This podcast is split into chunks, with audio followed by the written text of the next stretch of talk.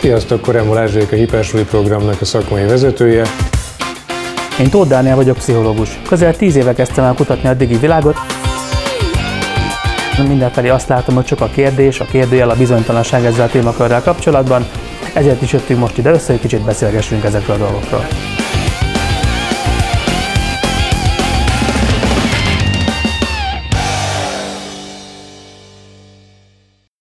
Gyermekem influencer akar lenni például. Mi, mit tegyen ilyenkor a szülő, hogyha ha egy, egy ilyen helyzet alakul ki, hiszen egyébként olyan nagyon jól tudjuk, hogy ma már a pályaválasztás nem úgy néz ki, hogy rendőr, tűzoltó, katona, meg vadakat terelő juhász, hanem influencer, meg youtuber szeretne lenni mindenki, és teszem azt, a gyermek nagyon jól tudja, hogy hát ez az kell, elindítok egy YouTube csatornát, Mit tud tenni a szülő, amikor egyszer csak azon kapja magát, ha nem figyel oda, hogy a gyermeke hirtelen videókat készít saját magáról, esetleg családról, mindenféle, és ontja föl az internetre? Igen, ez egy nagyon fontos változás, hogy még 20 évvel ezelőtt a filmsztár és fotómodell volt a legnépszerűbb, most az influencer, meg mondjuk az esportoló, mint ilyen két, két vezér álomszakma. Az fontos, hogy az önmagában nem baj, ha a gyerek tesz fel magáról tartalmakat. Itt ugye a szülő feladata az, hogy abban segítsen neki, hogy ez egyrészt olyan keretek között történjen, belül biztonságban marad, tehát például személyes adatokat ne adjon ki, lakást, egyéb dolgokat nem mutasson benne, hogy tartsa tiszteletben azt, hogy az egy dolog, hogy szeretne mondjuk egy családtagról is videót feltenni, de ez akkor működik, hogyha ebben benne van, tehát az engedélyét kell kérni annak az embernek hogyha felkészítem a gyermeket arra, hogy esetleg ennek milyen következményei lehetnek, legyen ez akár az, hogy mondjuk elkezdik több százan, több ezeren nézni az ő videóit, legyen akár az, ez hogy... a célja. Ez a célja, persze, csak mondjuk mi van akkor, hogyha ebből a több ezer nézőből több száz elkezd negatív kommenteket írni az ő videójához, fel van-e ő készülve arra, hogy elkezdik bántani, cikizni, kritizálni, stb., hogy akkor ezt ő hogyan kezelje, mert hogy benne van a pakliban, tehát ez bármikor befigyelhet, akkor is, hogyha mondjuk a követőinek a 99%-a kedves, jófej, barátságos, pozitív visszajelzéseket kap, elég, ha az 1% befigyel ahhoz, hogy a gyerek lelkében sérülést okozzon.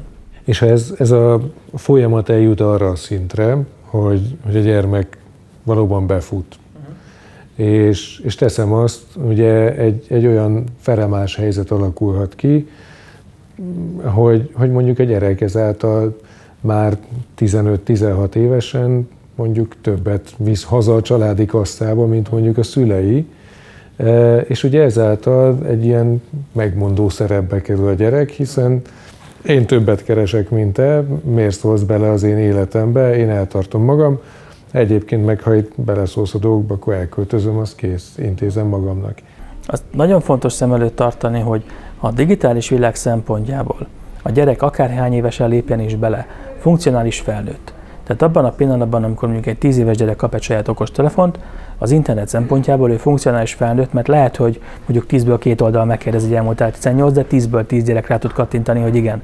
Semmi nem örködik fölötte, semmi nem védi őt, tehát hogy a szőnek ezt szem előtt kell tartani. Amikor arról beszélünk, hogy mondjuk egy tizenéves gyerek már influencerként adott esetben saját bevétellel rendelkezik abból a világból, akkor az egész egyszerűen azt jelenti, hogy a hagyományos modell szerint nem bárta meg a 18-at, hogy felnőjön, azt valóban valamikor meghúzták azt a határt, hogy ott válik valaki felnőtté, de ugye azért, mert azután kezdtek el dolgozni, azután alapítottak családot, stb. Na de hogyha egy gyerek már van olyan szerencsés, hogy mondjuk tehetségéből, egyebekből adódóan 16 évesen önálló keresetre, akár egzisztenciát tudna teremteni, akkor az éleket nem lehet úgy kezelni, mint egy olyan másik 16 évest, aki még mondjuk zseppénzből él, vagy a szülők tartják el. Tehát szükséges a gyerekeket ilyen szempontból egy kicsikét hamarabb elkezdeni felnőttként kezelni, illetve abba az irányba segíteni, hogy ő tudjon ténylegesen akkor tudatosan felnőttként döntéseket hozni. Uh-huh. Egyébként a gyakorlatban ugye sokan, amikor azt mondják, hogy e-sport vonalon elindulnak, az nem azt jelenti, hogy eldobnak mindent is, akkor 0-24-ben csak játszanak. Hát, hogy sokszor ők egy ilyen két vágányon futó életet élnek, ami azt jelenti, hogy egyik oldalon megy az e-sportvonal, próbálnak minél jobb eredményeket elérni, versenyre járnak, stb., de mellette tanulnak valami szakmát, egyetemre járnak, stb. Pont azért, hogy ha az nem úgy alakul, vagy véget ér, akkor legyen valami, amihez vissza tudnak térni.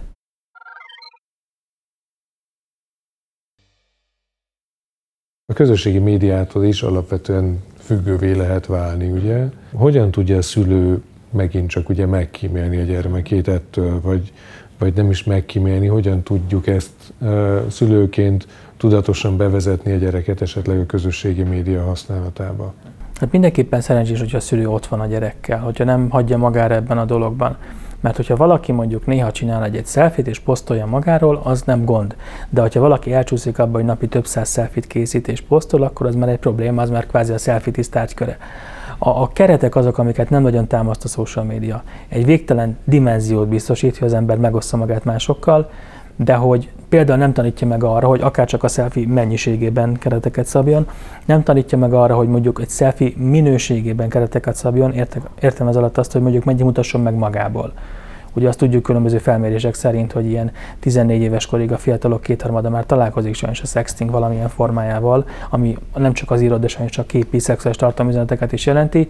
Na most ezt valószínűleg egyszerű se szeretné, hogy a 14 éves gyereke mondjuk félmeztelen képet küldjön magáról bárhova is az internetre. Tehát ezekről a dolgokról fontos beszélgetni.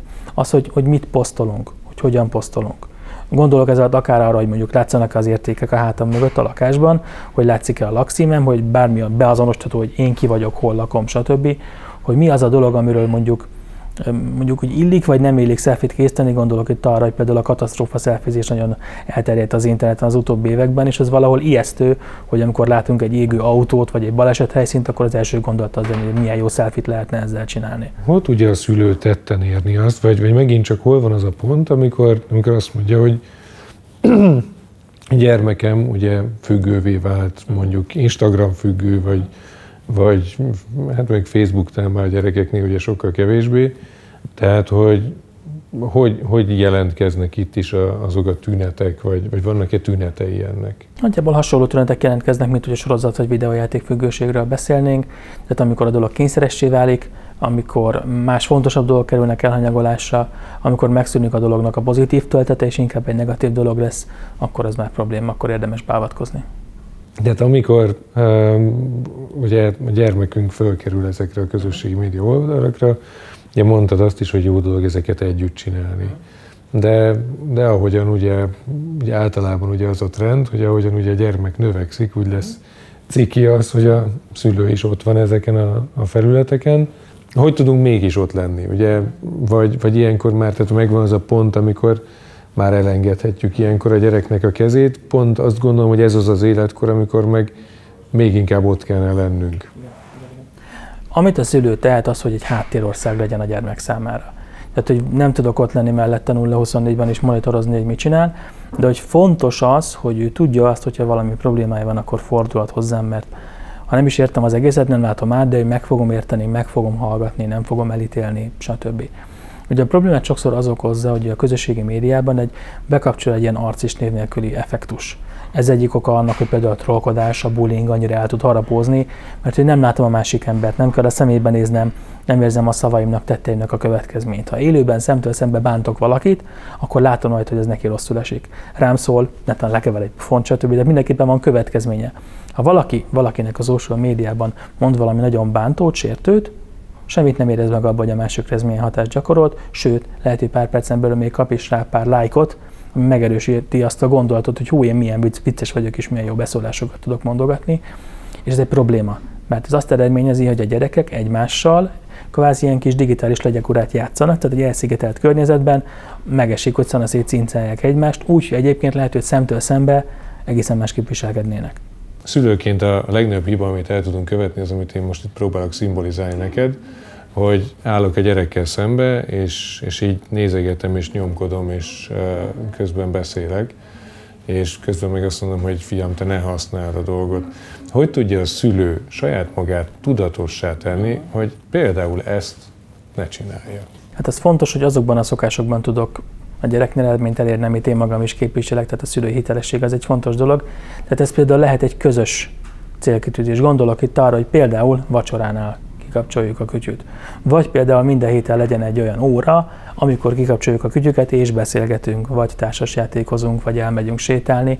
Tehát, hogy erősítsük azokat a rituálékat, azokat a szokásokat, amikor mindannyian kikapcsoljuk, és akkor nem csak a szülő mondja a gyereknek, hogy kapcsolt ki, vagy hagyd abba, hanem akkor az egy ilyen közös dolog. Ami fontos, amiben érdemes számolni, ez az, hogy amiben megváltozott a világ nagyon, az az, hogyha mondjuk, nem tudom, felidézem drága nagymamámat, akkor biztos voltak az életében olyan évek, amikor olvasott újságot, meg kapott levelet, meg elolvasott egy-egy könyvet, és akkor az nem haladta meg a havi adatforgalma a 10 megát mondjuk. Ehhez képest majd 10 éves gyereknek több tízezer megára simán rúghat ez a dolog, akkor is csak ha néz egy-két sorozatot, netezik, stb. Ami változott nagyon sokat, az az, hogy mondjuk 20-25 évvel ezelőtt a pszichológia fel tudott tenni olyan kérdéseket kutatásokban, hogy mi a különbség egy olyan háztartás között, ahol van internet, vagy ahol nincs, ahol van X kütyű, vagy ahol nincs. Ma meg ugye a kérdések nagyjából úgy szólnak, hogy mennyi az egyfőre jutó képernyők száma, tehát hogy nagyon, nagyon beúszott ez a mindennapjainkban mindenhova. 20-25 évvel ezelőtt még volt értelme azokban a kérdésekben gyökeret vernünk, hogy akkor most én hány óra játékot engedjek a gyerekemnek. Ma azért nem érdemes ezen nagyon leragadni ezen a kérdésen, mert sokkal intenzívebben releváns az a kérdés, hogy hány percet tölt ma offline egy gyerek. Tehát, hogy nem, nem az árral szemben kell úszni, hanem hogy annak van értelme, hogy tényleg teremtsünk olyan kis kicsike szigeteket, amikor ki tud lépni ebből a világból. Sokszor a problémát az okozza a serdülőknél, hogy azt érzik, hogy nem lehet kiszállni, tehát van egy ilyen, egy ilyen őrült hajsz ebben az egészben, és érzik meg, meg megfogalmazzák, hogy ez nem jó. Tehát mondja azt, hogy kényszer, mert, hogy, mert ha nem vagyok ott a csoportban, akkor én vagyok az, akit kibeszélnek. Mondja azt, hogy ha nem, pár óráig nem mentem föl, akkor hú, akkor lemaradok, bekapcsol, hogy ez a FOMO érzés, az attól való félelem, hogy lemaradok valamiről. És ezekből a kényszerekből, hogyha csak ilyen kis kicsi felélegzést tudok adni a gyerekemnek, hogy elmegyünk sétálni, elmegyünk kirándulni, társasjátékozunk, mozi, étterem, bármi, amikor kikapcsoljuk és mindannyian is beszélgetünk, akkor az egy nagy, nagy felélegzést tud adni a gyereknek, egy nagy segítséget tud adni. Ugyanúgy az is, hogyha ugye ez a kérdés, hogy most szülőként őrült trendek veszik körül a gyerekeket adott esetben, azt látjuk, hogy ezek nagy része nem jó. Hogyha tudunk adni valami olyan szokást, olyan célt, olyan értékrendet, ami ettől konstruktívabb irányba mutat, gondolok itt arra, hogy egy rendszeres sportolás, gondolok itt arra, hogy egy zenélés, valami kreatív tevékenység, bármi, ami, aminek van valami konstruktív célja, mert akkor az már rögtön egy más mederbe terül a dolgot. A legtöbb probléma ott keletkezik, amikor céltalanul vagy ilyen önmagáért való tevékenységé válik a netezés, a kütyüzés, az akármi. Hogyha már tudatosan valami cél szerint használom, egy iskolai feladat, egy projekt, vagy valami engem érdekel, akkor az már rögtön egy hasznos tevékenység.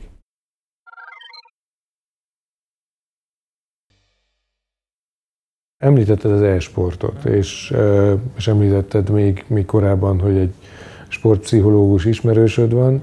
Ugye már ez az e-sport, ami, amit tegyünk egy kicsit tisztába egyrészt, hogy mi ez az e-sport, másrészt, hogy, hogy a, az e-sportra ugyanúgy edzenek, akik, akik ezeken a versenyeken próbálnak részt venni, ugyanúgy vannak itt felkészítések, vagy ez egy teljesen autodidakta módon történő dolog. Mikortól nevezhetjük ezt sportnak, és, és hol van a játék és a, a szórakozás időtöltésnek a határa. Ugye ez egy, egy nehéz dolog.